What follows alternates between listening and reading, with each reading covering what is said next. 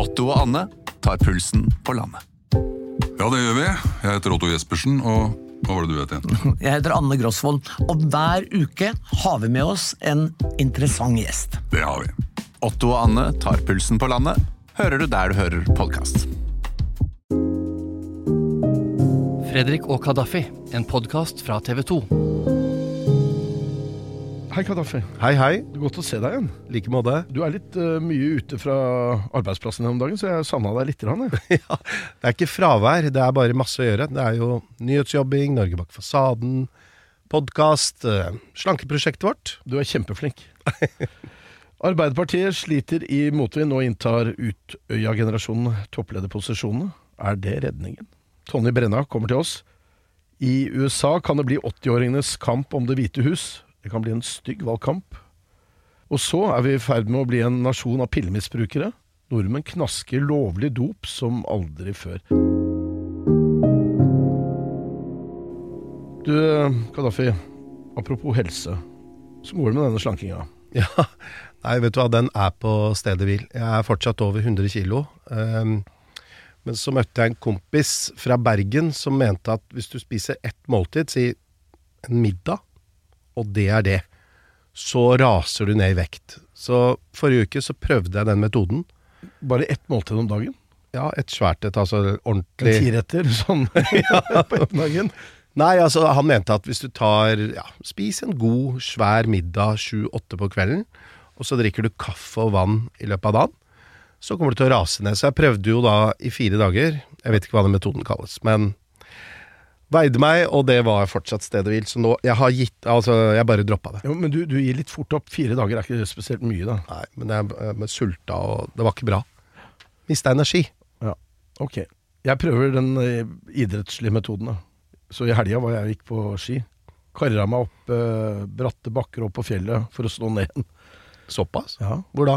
Og så belønnet jeg meg selv med masse mat og drikke etterpå. Så Så det er på stedet hvil, du jeg var òg. på Høge Varde, fint vær og alt var fint, men, og jeg var sliten. Jeg er fortsatt sliten mange dager etterpå. Eh, men jeg går til jobb, da, og så går jeg fra jobb. Så håper jeg jo at på et eller annet tidspunkt så vil dette her gi skikkelig gode resultater.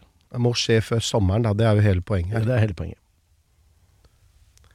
Du, en annen sak. Um, Joe Biden. Ja. Han har annonsert at han vil stille til gjenvalg i 2024 som USAs president. Ja. Da vil han være 82 år gammel. Er du overraska? Ja. Jeg fulgte han i valgkampen i eh, 2000, og da snakk, når han fikk spørsmål om han skulle være to Uh, tenkte seg at han skulle sitte i to perioder, så sa han altså han unnvek det spørsmålet litt og sa at det aller viktigste nå er å få Trump ut av Det hvite hus. Og i det svaret så var det veldig mange som tenkte at det betyr at han ikke stiller i neste omgang. At han overlater den plassen til Kamala Harris eller noen andre demokrater.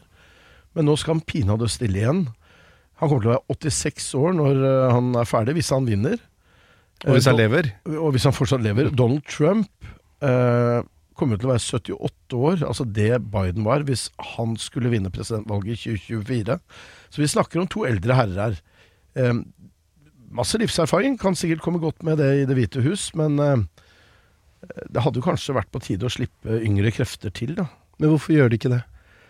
Eh, Det kan godt hende at velgerne kommer til å gjøre det. Det er ingen garanti for at eh, en av disse her vil vinne. Og det er jo halvannet år til valget, og mange er bekymret spesielt for Biden sin helse. Og Trump har jo tapt et valg før, og har noen mulige rettssaker eh, som ligger og venter på ham før valget, som gjør at han ikke egentlig har sjanse til å vinne dette. Så her kan alt skje.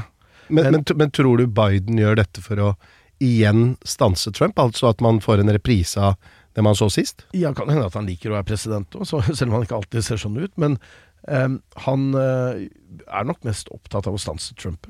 Og det kan jo godt tenkes at Biden er det beste kortet demokratene har uh, akkurat nå. Men hvis han taper, så blir jo det et veldig spesielt ettermæle. For Trump. Ja, eller for Biden. Ja, hvis, ja. Nei, altså, det, det, det verste, er, eller det rareste, er jo at vi får sånn vi får en reprise på valget i 2020 hvis de to skulle bli kandidatene til partiene. Og Biden blir nok det. Får vi se hvordan Trump kommer til å gjøre det, og hvilke andre som prøver å utfordre ham. Så da må du flytte til USA, Da Da må jeg flytte tilbake til USA. Jeg ser ingen annen mulighet. jeg, jeg vet hva, jeg tror ikke jeg orker å oppleve dette en gang til. Og jeg var også 100% sikker, eller 99 da, på at ingen av disse her to ville stille igjen. Så jeg, jeg er ikke kvalifisert, det er helt åpenbart. Nei, vi trenger det her i podkasten, Fredrik. Takk. Kadafi, spiser du mye piller? Når det har vondt i huet og sånn? Jo, men jeg har ikke så mye Altså, jeg bruker eh, Ibux eller Paracet hvis jeg har feber. Eller tannpine. Jeg må ha liksom ordentlig vondt. Ja. Jeg har, jeg har ikke angst, men jeg, jeg liker ikke piller. Også, men jeg har aldri brukt sånn sovemedisin eller lykkepille eller, eller sånne type ting. Nei. Nei. Jeg, av og til så sliter jeg med å sovne. Jeg har så mye å tenke på, vet du. Så da tar jeg noen sovepiller. Lykkepiller kunne jeg sikkert også trengt, men Hva tenker du på da? nei, det har vært mye, har vært mye på meg, vet du. Nei, det er mye Det er ikke alltid livet som er så godt å tenke på, som gjør at man i hvert fall bruker mye tid da, av natta på å tenke på ting man uh, blir holdt våken av. I studio har vi fått besøk av uh, kollega Anna Myklebust Hodne. Du har skrevet litt om uh, pillebruk blant nordmenn. Og det er ganske stygt det vi ser nå når det gjelder tall. Eller farlige. Ja, det er en ganske stor utvikling. Vi har jo egentlig i flere uker skrevet om ulike enkeltmedisiner hvor man har sett en økning. Så ble vi da nysgjerrige på hva er det store bildet her. Er det en, er det en tendens til at vi mye lettere tar en pille enn før? Og tallene de bekreftet jo absolutt den teorien vi hadde. Eh, vi kjøper reseptbelagte legemidler som aldri før. Vi kjøper reseptfrie legemidler som aldri før. Det har rett og slett vært en økning på over 3 Og noe av det kan jo forklares med som, ting som at vi blir eldre. Og så er det mye av den økningen som bare rett og slett ikke kan forklares med naturlige grunner, da. Hva slags piller er det? Det er jo alt fra Paracet og nesespray og liksom den type forkjølelsesmidler. Og så er det jo sovemedisiner, vi har sett en økning i potenspiller, slankemedisiner. Så det er jo mye av disse eh, livsstilssykdommene, da. Hvor man kanskje før tenkte at ok, her må jeg gå inn i, kosthold, jeg må sove mer, spise bedre. Og så ser man nå at man kanskje lettere bare tar en pille for å løse problemet. Men, men hva sier ekspertene? Er det sånn at nordmenn er sjukere nå enn før, eller tror vi at vi er syke? Man ser jo ikke en stor økning i at vi er blitt noe sykere. Altså Sykefravær og sånn er ganske stabilt. Så Det er jo derfor man blir nysgjerrig på hva, hva skyldes denne, denne økningen. Og det er jo, som jeg nevnte tidligere, ofte de sykdommene som man, man ikke nødvendigvis trenger en pille. Har du litt vondt i hodet, sliter du litt med å sove, så er det ikke, det er ikke alltid den pilla hjelper, da. Eh, så vi, vi tar den lettere enn før, og spesielt stor økning er det jo på de, de medisinene som er veldig lett tilgjengelige for oss. Bruken av Paracet har økt med 17% fra i fjor. Vi nordmenn vi kjøpte, kjøpte i fjor 12 millioner pakker med Paracet. Det er ganske mye. Jeg har vært korrespondent i USA noen år, og der har de vært veldig opptatt av denne opiodkrisen. Altså hvor legene skriver ut ganske sterke medisiner, smertestillende og sovetabletter til, til folk, og folk blir avhengig av det. Er man bekymra her i Norge også for at vi er på, på vei dit? Og hvordan er vi i forhold til andre land? Vi har jo sett eh, en økning her i Norge også når det kommer til disse sterke smertestillende. De er, den er ikke like brå som når det kommer til de lette smertestillende. Og på sett og vis så er det jo et sunnhetstegn at vi går for Paraceten i stedet for de veldig sterke smertestillende. Og norske leger er veldig opptatt av det. Og det er jo mye verre den krisen man har sett i USA, hvor mange hundretusener har mistet livet. Så vi er nok ikke på vei dit, men det er jo derfor både eksperter, Helsedirektoratet man, man følger med på dette fordi man vet at det kan gå i en retning man, man absolutt ikke har lyst til. Mm. Du nevnte jo det med eldre, og det er jo veldig forståelig. Altså Når vi får en eldre befolkning, så vil jo de bruke mer eh, medisiner og flere medisiner enn de yngre. Men, men jeg tenker altså sånn Når man ser ute i samfunnet nå eh, Jeg kjenner f.eks. folk som misbruker ADHD-medisiner for å yte mer, prestere mer. Og jeg tenker jo at det er jo et veldig sånn press der ute om å være best i alt mulig alt. Du skal ha eh, best jobb og best karakterer og best kropp, og, og du skal liksom please alle eh, og være til stede. Og da blir det jo fort piller for eh, lykke, søvn og slanking osv. Og, så og, og når man ikke får det til, så går man på en smell, som igjen fører til ja, utbrenthet eller møte veggen. Og igjen da flere piller. Så det kan jo være at, vi, at samfunnet At det er der vi er. Alt dette presset fører til dette. Jeg vet ikke. Det, er, det er jo det som er veldig interessant her. Hva, hva, slags samfunn er det vi er blitt? Er vi blitt en sånn pillenasjon hvor vi forventer at uh, det finnes en pille for alt? da? F.eks. allergimedisin blir jo ofte brukt nå for å kurere fyllesyke. Altså at man bruker disse medisinene til det som ikke egentlig er målet. da. For det i seg selv at vi bruker medisiner, er jo egentlig bra. Det er jo et sunt tegn, og det vil jo legen at vi skal fortsette med. Men det at vi på en måte kjøper disse pillene, tar de når vi ikke helst skal ha de, for å kanskje da prestere bedre i hverdagen, og en av de vi har snakket med i denne saken, han forteller jo at eh, når han gikk gjennom en skilsmisse, en livskrise, to barn, du har en hektisk hverdag, at eh, da er det veldig lett å bare ta den Paraceten, få litt mindre vondt i hodet, ta den pilla som gjør at du får de seks timene med søvn som du, du trenger, da.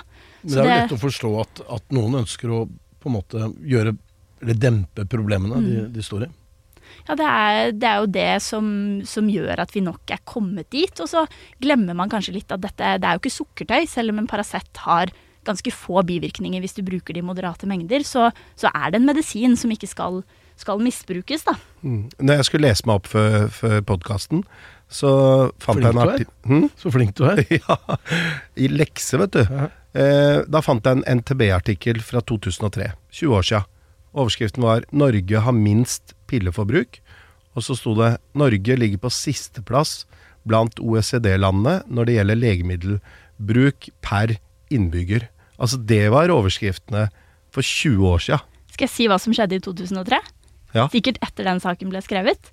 Da endret vi det sånn at eh, man kan kjøpe da, Paracet og alle disse legemidlene andre steder enn bare apotek. Så fram til 2003 så kunne man kun kjøpe det på et apotek. Og da må du jo gjerne snakke med en farmasøyt og få litt veiledning og sånn. Men nå er jo Paracet og melatonin, som er sovemedisin, det er jo tilgjengelig overalt. Er, du kan kjøpe det på bensinstasjon, på matbutikken. Det er veldig lett å bare ta med seg en pakke. Så jeg tror det har skjedd utrolig mye da, på de 20 årene. For det er ikke lenge siden Nei. som du sier, Nei, jeg ble overraska. en helt annen situasjon. Ja. Hvordan er vi i forhold til Sverige og Danmark f.eks.? De har jo rapportert om en mye mindre utvikling. Altså Det som får ekspertene nå som vi har snakket med til å bekymre seg litt, er jo nettopp denne økningen. At det øker med 3% på bare ett år. Det, det, kan ikke forklares med eldre og den type ting. Og det burde jo være en lik økning som i nabolandene våre, for de har jo også mange flere eldre. Så det at, eh, det at de øker med 1% og vi øker med 3% det gjør jo at folk, eh, folk blir litt bekymra og tenker at her må vi kanskje følge litt med, da. Anna, takk for at du kom til oss. Neste helg blir Tonje Brenna etter alt å dømme valgt til en av Arbeiderpartiets to nestledere. Er hun også partiets redningskvinne? Du får møte henne straks. Tonje Brenna, forklar det bildet der.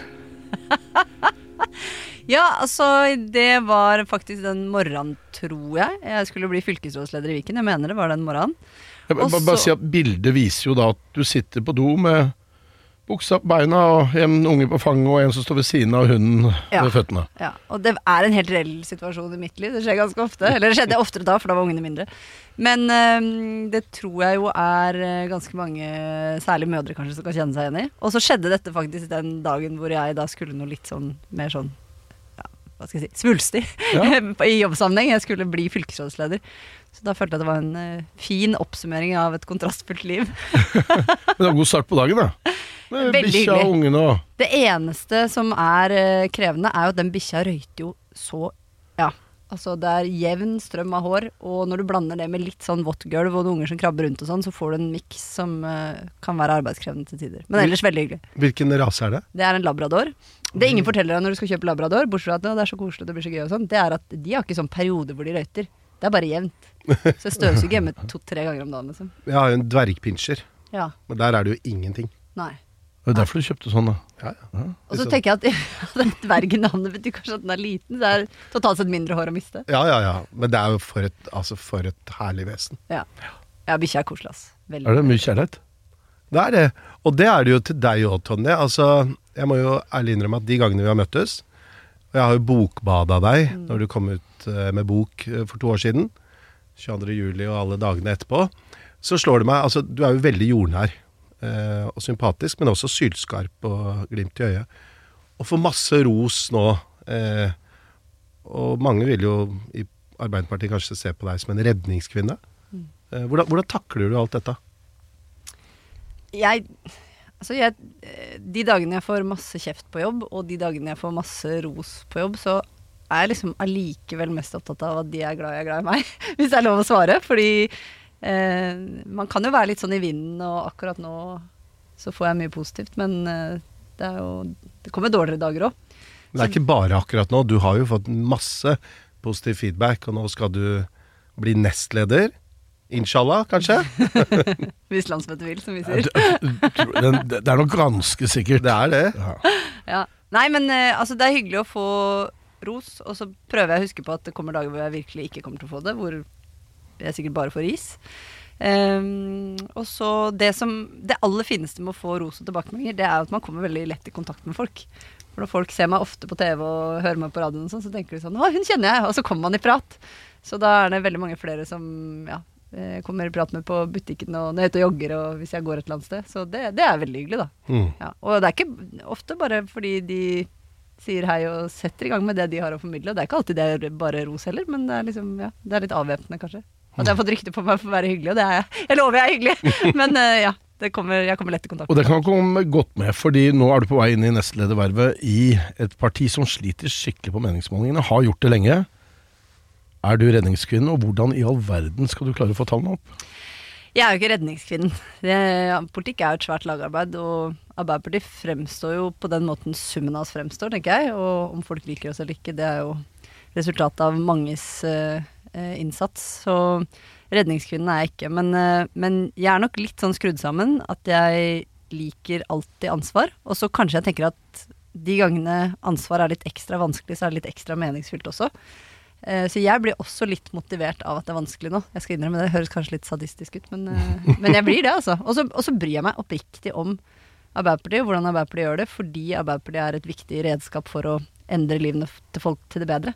Og når vi er ordentlig gode, så blir det også ordentlig gode løsninger som reelt gjør en forskjell for folk. Mm. Så det er det som er motivasjonen. Men går det inn på deg at Arbeiderpartiet gjør det så dårlig som de gjør nå? Ja, det gjør det.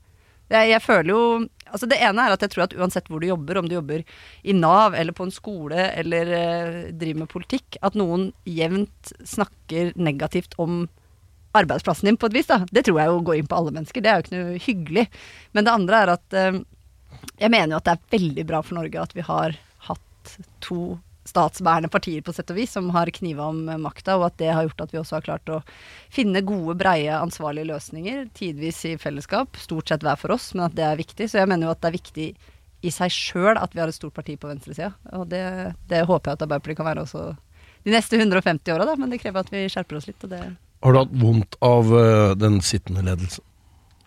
Altså vondt av, det høres liksom ut som jeg syns synd på de, det syns jeg ikke. Og jeg tror ikke de syns synd på seg selv heller. Jeg tror de virkelig har tenkt at eh, de skal stå på og gjøre så godt de kan. Men, men eh, det er jo vondt når vi ikke får det til. Det er ikke, noe, det er ikke til å stikke under en stol. Men denne fornyelsen, med annet deg, da. Eh, hva, hva, hva vil du bidra med? Altså, det ene er at jeg blir en ny nestleder, da. Eh, hvis jeg blir valgt av landsmøtet. Så det er jo i seg sjøl liksom en endring. Og så er jo jeg den jeg er, med den erfaringen jeg har, og den energien jeg har, og det pågangspunktet jeg har. Um, og så har jo jeg mine perspektiver på ting. Jeg har vokst opp i en blokkleilighet på Holmlia og eh, flytta til Jessheim etter hvert da jeg nærma meg ungdomsskolen. Og har min erfaring fra hvordan det var å vokse opp de to stedene. Og jeg har ja, jobba litt forskjellige steder, drevet med håndball, ikke vet jeg. Altså, det er jo veldig mange forskjellige ting som preger et menneske, og som gjør at man kan eh, bidra med ulike perspektiver. Da. Og så er det selvfølgelig også 22. juli, og dere har drevet med politikk gjennom mange år. Så det er i hvert fall noe. Det har vært litt sånn ymse med erfaring for Arbeiderpartiet når det gjelder å ha to nestledere. Du og Vestre. Er dere en god duo? Jeg er i hvert fall Det er jeg helt sikker på. Det er for det første at Jan Christian han er en arbeidsom, effektiv, sympatisk fyr som kommer til å gjøre sitt aller beste. Og jeg er helt sikker på at det fins ikke en ting Jan Christian og jeg ikke kan snakke om. Så i den grad noen skulle liksom ha ønske om å sette oss opp mot hverandre, eller det ble noe konkurranse eller noe, så kommer ikke de til å gå og skule på hverandre. Da kommer vi til å snakke ut om det. Vi får se hvordan det går etter hvert. Da. Det kan jo hende at eh, dere kommer i en form for konflikt på et eller annet tidspunkt, eller Ja. blir uenige. Jo, men det, det ene er Jeg tenker konflikt Jeg mener politikk i sin natur er jo konfliktfylt. Fordi i motsetninger så både finner vi løsninger, og noen vinner og noen taper, liksom. Men det andre er jo at eh, konflikt kan jo eh, håndtert godt egentlig bare gi mer energi, da. Det som er bra, er hvis det blir litt konkurranse mellom oss om å være best og jobbe mest. Eh, det som er dårlig, er hvis det surner mellom oss, men det kommer det ikke til å gjøre, for vi er gode busser. Nå er det mange i ledelsen da, som er fra Østlandet. Selv om Vestre har litt sånn eh, skarrende bakgrunn. Mm. Eh, vil det være et problem at dere ikke representerer hele landet? Det tenker jeg er opp til oss, egentlig, å sørge for at det ikke blir et problem. Fordi eh, en ledelse bestående av fire mennesker kan aldri komme fra overalt. Men det er et ekstra stort ansvar for oss å sørge for at hele landet føler seg inkludert og representert. Og være ute, lytte, ta tilbakemeldingene alvorlig. Og så tenker jeg at eh, vi fire er også forskjellige men, og supplerer hverandre. Men vi er jo ikke 100% utfyllende for hele landet. Verken geografisk eller med alle erfaringer som eh, fins og lever i Arbeiderpartiet. Så det å være lyttende og interessert, da, det tenker jeg er viktig. Mm. Altså De forrige nestlederne, Hadia Tajik og Trond Giske, der var det jo mye konflikt og støy. og Tenker du at det ødela veldig mye for Arbeiderpartiet? Altså pers Personkonflikt har jo det ved seg at det er veldig Det tar veldig mye energi og fokus. Så jeg tror jo at uh, ved å bruke masse krefter på personkonflikter, så er det rett og slett mindre tid igjen til politikk. Og det som jo har vært krevende for oss de siste åra, det har kanskje vært at på den ene side så har det ofte syns jeg mer enn vi faktisk har gjort, har fremstått som vi har krangla eller vært uenige menneskene imellom. Eh, samtidig som velgerne har fortalt oss at de trenger vår oppmerksomhet og ønsker at vi skal snakke om ting som er viktig for dem. Og da får det liksom dobbel negativ effekt, for da står vi med ryggen til velgerne og snakker om oss sjøl, istedenfor å snu oss mot dem og snakke om hva vi vil få til for deres liv. Da. Så, mm. Tenk, ja, ten, tenker at, hva tenker du om at Hadia Tajik ikke er med i sentralstyret nå? Sånn helt ærlig. Jeg tenker at den valgkomiteen har gjort de vurderingene de har gjort. Eh, Rogaland hadde flere kandidater. Kari Nessa Nordtun er innstilt. Det syns jeg er kjempebra. Og så kommer jo Hadia til å være aktivt med i Arbeiderpartiet-politikk i mange år fremover. Det er jeg helt overbevist om. Hun sitter på Stortinget og gjør en kjempejobb der. Så ja, valgkomiteen har gjort sine vurderinger, og den forslaget til innstilling er enstemmig. Og det tenker jeg er veldig verdifullt for Arbeiderpartiet. At det var noe man kunne enes om, så vi slapp å bruke masse krefter på det inn i landsmøtet. Mm. Det, men kan det komme benkeforslag på andre? Det er jo noen spekulasjoner nå om partisekretæren? Ja, jeg ser det spekuleres mye i det. Jeg tenker at det er nok spekulasjoner. Jeg trenger ikke bidra til det. Jeg håper jo og tror at uh, landsmøtet eh, går for innstillingen sånn som den ligger. Og eh, det er jo veldig mange fylker som er representert i innstillingen fordi de satt i valgkomiteen og sånn, så den har jo bred forankring. Så ja, jeg håper det går bra, sånn at vi kan bruke tida på politikk isteden.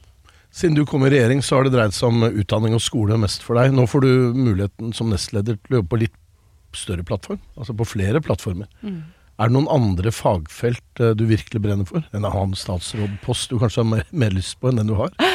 Jeg føler jeg er den verste å spørre om det, for jeg er så nerd, så jeg syns så mye er spennende. Hvis du spør meg sånn, vil du snakke om bredbånd, så vil jeg gjerne snakke om bredbånd. Men uh, da er du invitert neste uke til å snakke om bredbånd, for det er det som er temaet.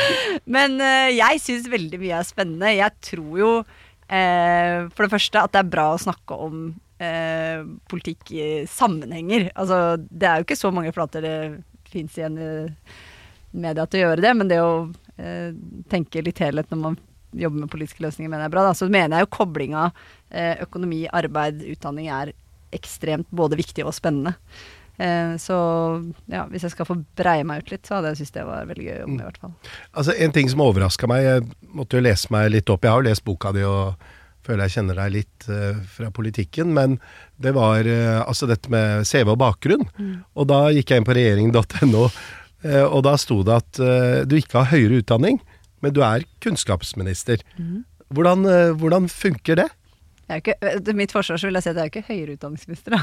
Nei, nei, nei men høyere utdanningsminister og ja. heller ikke høy utdanning, så nei, ja, det er gjennomgående. Ja, nei, jeg har, tatt noen, jeg har tatt noen fag her og der, men jeg har ikke fullført noe høyere enn videregående, nei. Og jeg syns øh, jeg er kanskje litt sånn rastløs, så jeg begynte å jobbe rett etter videregående og har egentlig jobba heltid siden. Og har elska det. Så jeg har tatt noen fag på si her og der, men øh, jeg har trivdes veldig godt med å jobbe. Og så tenker jo jeg at uh, uansett hva man bruker tida si på, så har man jo en eller annen form for kunnskap og erfaring allikevel. Så det er jo ikke sånn at jeg eh, ikke har noe erfaring fra skolepolitikk eller fra livet eller fra eh, det å ha vært eh, elev sjøl. Så ja, for akkurat den jobben der nå, så tenker jeg at eh, det skal gå fint. Men eh, eh, hvis noen spør, så vil jeg anbefale folk å ta utdanning. Men du har jo en lang politisk CV, mm. og du var jo den yngste noensinne som ble utnevnt som politisk rådgiver for Jens Stoltenberg. Mm. Hva lærte du av han? Jeg lærte ja, flere ting. Jeg lærte bl.a.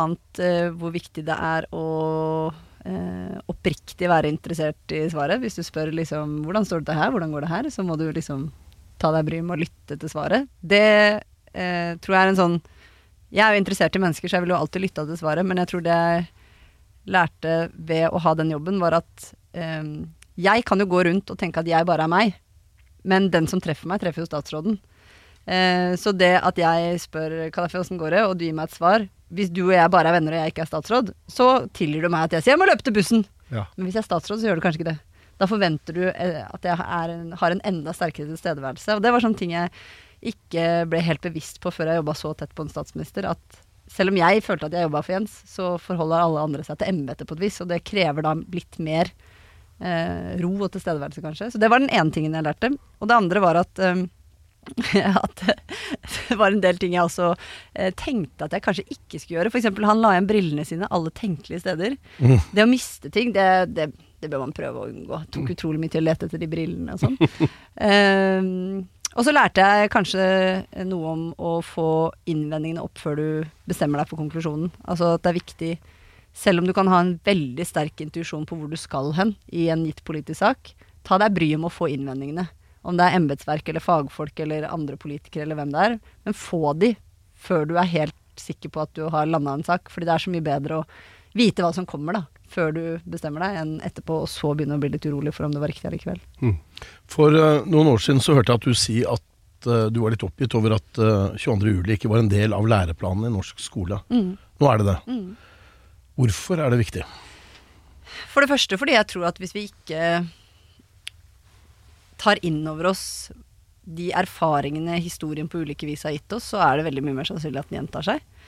Um, det er det ene. Og det andre er at jeg også har jo tenkt på det sjøl som overlevende at uh, på samme måte som andre mennesker som er berørt av en eller annen stor hendelse, eller om det er krig eller terror eller hva det er, så tenker jeg at det er jo ikke bare opp til de som var der da, mer eller mindre tilfeldigvis, å fortelle hva som egentlig skjedde.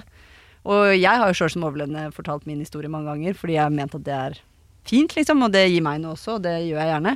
Men, men, det er også bra at ikke det bare er opp til meg. La oss si at vi var mange hundre mennesker som ikke orka det. Det hadde jo gitt en veldig svakhet for landet vårt, for da ville vi jo ikke hatt noe sted å formidle det. og det, Derfor er det viktig at du også er en del av skolen. Nå bruker du ordet overlevende, og i boka di så forteller du at du syns det var litt sånn traumatiserende. Det jeg syns var vanskelig, var å Um, ha en jobb og en slags uh, posisjon i samfunnet, om du vil, som var forbundet med makt, og samtidig være offer for noe. Fordi det å ha makt og være offer, det er jo ofte en motsetning. Uh, og det å liksom komme til en konklusjon at inni meg er det plass til begge deler, da, det tok ganske lang tid for meg. Mm. Det er jo vanskelig å vite hvordan man reagerer under ekstreme forhold. Eh, tenker du ofte på hvordan du tok ansvar på Utøya? Altså, du kunne ha valgt å svømme, du kunne jo ha valgt å prøve å stikke av. Du gjorde ikke det. Du lå i denne fjellskrenten med flere veldig unge skada, trøsta dem, hjalp dem. Tenker du ofte på det? Jeg har i hvert fall tenkt en del på det at um, etterpå så kan det virke veldig sånn uh, lett å ta de valgene vi tok. At du nærmest fikk presentert en meny. Sånn her er dine handlingsalternativer, hva har du lyst til å gjøre? Uh, og sånn var det jo ikke i det hele tatt. Vi ante jo ikke hvem som var etter oss, eller hva vi egentlig gjemte oss for. Så det har jeg tenkt mye på. Og det leder jo til det andre jeg har tenkt mye på, nemlig hvor tilfeldig det egentlig var at jeg liksom i hermetegn valgte rett, da. Fordi det er klart, etterpå så kan du gi en god følelse av å kunne tenke at ja, jeg mestra den situasjonen på et vis. Men det er også litt tilfeldig. Altså, en ting er nå at jeg um, Vi er alle mennesker med den personligheten vi har, men jeg kunne også leda de menneskene jeg var sammen med, til et sted hvor vi alle sammen ble drept. Det visste jeg jo ikke, og det var jo veldig tilfeldig.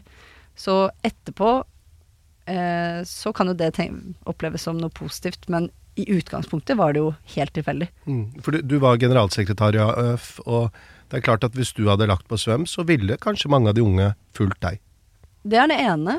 Eh, men det andre er jo også at eh, for den som er litt kjent på Utøya, så vet du at det er jo forholdsvis lite få steder å gjemme seg. Det kan jo se ut når du ser liksom helikopterbilder over, så ser det ut som det er tett vegetasjon, men det er det jo ikke. Det er jo helt åpent, helt nakent egentlig. Og det å prøve å tenke hvor kan man gjemme seg i et sånt landskap, det er også ganske vanskelig. Um, så vi kunne jo kommet i en situasjon hvor gjerningsmannen gikk akkurat ned dit hvor vi var, og vi alle sammen ble drept. Det, det kunne jo ikke jeg vite. Så ja, det er veldig tilfeldig. Vi hadde statsminister Jonas Gahr Støre som gjest for eh, et par uker siden, og han eh, sa det at han tenkte at Utøya-generasjonen, som du er en del av, når dere nå kommer inn i maktposisjoner i partiet, eh, eller du er jo det allerede, men at, at dere har med dere noe eh, som er viktig, altså perspektiver som kan komme godt med. Mm. Hva tenker du om det? For det første at Jonas øh, føler jeg at han fortjener at vi sier òg, da. At øh, han har vært veldig opptatt av akkurat det lenge. Og det tror jeg jo øh, gir en slags trygghet for oss som omtales som den generasjonen. Fordi han forteller oss at dere opplevde noe fælt, men det er verdifullt allikevel at dere er med. Kanskje ekstra verdifullt. Da. Det, det føler jeg på, liksom, at det setter jeg veldig pris på med han, at han er så tydelig på det. Men jeg tror kanskje i hvert fall det er to ting. Det ene er at det å eh, måtte tenke gjennom at noen forsøkte å drepe meg fordi jeg sier det jeg mener, men jeg vil likevel fortsette å si hva jeg mener, det er jo eh, Gir kanskje sånn perspektiv på demokrati som jeg kanskje ellers ikke ville hatt med meg på samme måte. Vi tar det jo litt for gitt, liksom. Vi regner med at vi kan si hva vi vil, og at vi kan stemme ved valg og gjøre alle de tingene. Og det andre er jo at jeg tror jeg har blitt mer bevisst på, på måte, beredskap, sikkerhetsdimensjonen i flere ting, flere politiske sammenhenger. Altså det å sørge for at ungene våre trives på skolen, det har en beredskapssammenheng. Altså, eh, sånn at sikkerhet og beredskap er mer enn forsvars-, utenriks-, eh, justispolitikk. Det er på en måte gjennomgående for et samfunn som fungerer, har veldig høy, mye høyere beredskap enn et samfunn som ikke gjør det. Og det perspektivet hadde jeg kanskje ikke hatt like tydelig med meg hvis ikke jeg hadde opplevd det. Er du sint på terroristen i dag? Hva tenker du? Jeg, altså Sinne er jo en følelse som tar ekstremt mye plass. Uh, og jeg føler meg veldig heldig som har følt så lite sinne. Men jeg må innrømme at etter jeg fikk barn sjøl, og tenker tanken ut på at noen dreper mitt barn, da er jeg nærmere å være sint enn det jeg var før jeg ble mamma, i hvert fall. Så det, det er det mest Én ting er at noen prøver å drepe meg, liksom, men kan ikke se for meg et forsøk på en større krenkelse enn at noen skulle drepe ungene mine. I bakkant av uh, Utøya så opplever du, i likhet med ganske mange andre i Arbeiderpartiet, eh, høyt profilerte eh, AUF-ere, å få ganske mye hets, hets på sosiale medier, og, og blant annet på Facebook og sånn, i kommentarfeltene. Hva tenker du om de som sitter og skriver til dere etter det dere har gjennomgått? Jeg håper jo at ikke de skjønner helt hva de gjør, hvis du skjønner. Altså, jeg håper jo at ikke de Jeg tror jo noen ganger at tastaturet gjør at vi får en sånn avstand til det mennesket vi eh, formidler noe til, som gjør at det blir litt sånn Vi forholder oss ikke helt til at det er et annet menneske i andre enden. Jeg sender fra min PC til din, på en måte, men så, men så er det jo et menneske i andre enden. Så jeg håper jo litt det. Men der er det jo Noen vet jo ekstremt godt hva de gjør. Andre slenger litt med leppa. Men, eh, men eh, det er en påminnelse om at du veit aldri hva mottakeren har for bagasje, da. Svarer du? Jeg gjorde det en stund, svarte jeg på en del. Hva, ble... sa du, hva sa du da? Eh, nei, det, det hendte særlig hvis det var folk som skrev om type Eskil eller andre som hadde tatt valg, da, eller gjort ting. Uh, så hendte jeg utfordra tilbake og sa ja, hva hadde du gjort i tilsvarende situasjon, eller uh, hvordan forventer du at vi skulle håndtert det, på en måte. Men, og noen har faktisk også da kommet tilbake igjen og sagt det var litt nedi rødvinsdunken eh, fredag kveld, eh, unnskyld, jeg tenkte meg ikke om. Mens andre fortsetter jo bare å kverulere. Men det slutta jeg med. Jeg kan ikke bruke så mye krefter på, på de folka. En del av de som var der, uh, har trukket seg fra politikken. Det ble for mye kanskje for noen, og andre har valgt andre veier i livet. Mm. Uh, men du var ganske tidlig bestemt på at du ville drive med politikk. Ja, altså er det, lov, det er jo ikke lov å banne på TV og podkast, men det gikk en faen i meg, så jeg skal innrømme det. Her kan du Eh, banne. Ja, det gikk en faen i meg, så jeg tenkte eh, Og det tenkte jeg også særlig de der åra etter hvor det var en del liksom hets og drøye ting som ble skrevet, da. Så tenkte jeg fader heller, ass. Nå, jeg kan ikke holde kjeft nå, liksom. Det går ikke. Jeg tenkte bare jeg skulle spørre om noe litt mer eh, lystig nå mot uh, slutten. Jeg og Fredrik har et sånt slankeprosjekt gående som uh, ikke går så bra. Uh, har du noen sånn nyttårsforsett for 2023? Var det noe ja, du skulle gjøre? Mer av, f.eks.? Det som er litt eh, Jeg er litt sånn motsatt skrudd sammen av mange andre på nyttårsforsettet. For jeg er et ganske disiplinert menneske. Så hvis ingen minner meg på at jeg må også kose meg, så kan jeg liksom trene, spise, gjøre veldig mye korrekt i løpet av en dag, da. Nå høres Eh, du kjedelig ut. ja, ja, kanskje litt kjedelig. Men jeg, det kjedelige livet gjør at jeg har masse energi til å være gøy og jobbe masse. Men Så mitt nyttårsforsett var faktisk å drikke mer vin med venner. Oh, ja, Eh, det går ganske dårlig, men jeg er glad du minna meg på det. nå går vi inn i en hyggeligere årstid og drikker vin òg, så nå får vi håpe at det blir sol, og så kan jeg oppfylle nyttårsforsettet. Tonje Brenna, tusen takk for at du kom til oss, og lykke til med landsmøte og valg. da. Takk. Takk for at jeg fikk være med. Lykke til. Takk også til kollega Anna Myklebust Hodne, som satt her i studio sammen med Kadafi Saman og Fredrik Gressvik, teknisk ansvarlig Mikael Skorbakk, produsent Maja Gjertum, redaktør Karianne Solbrekke. Vi høres om en uke.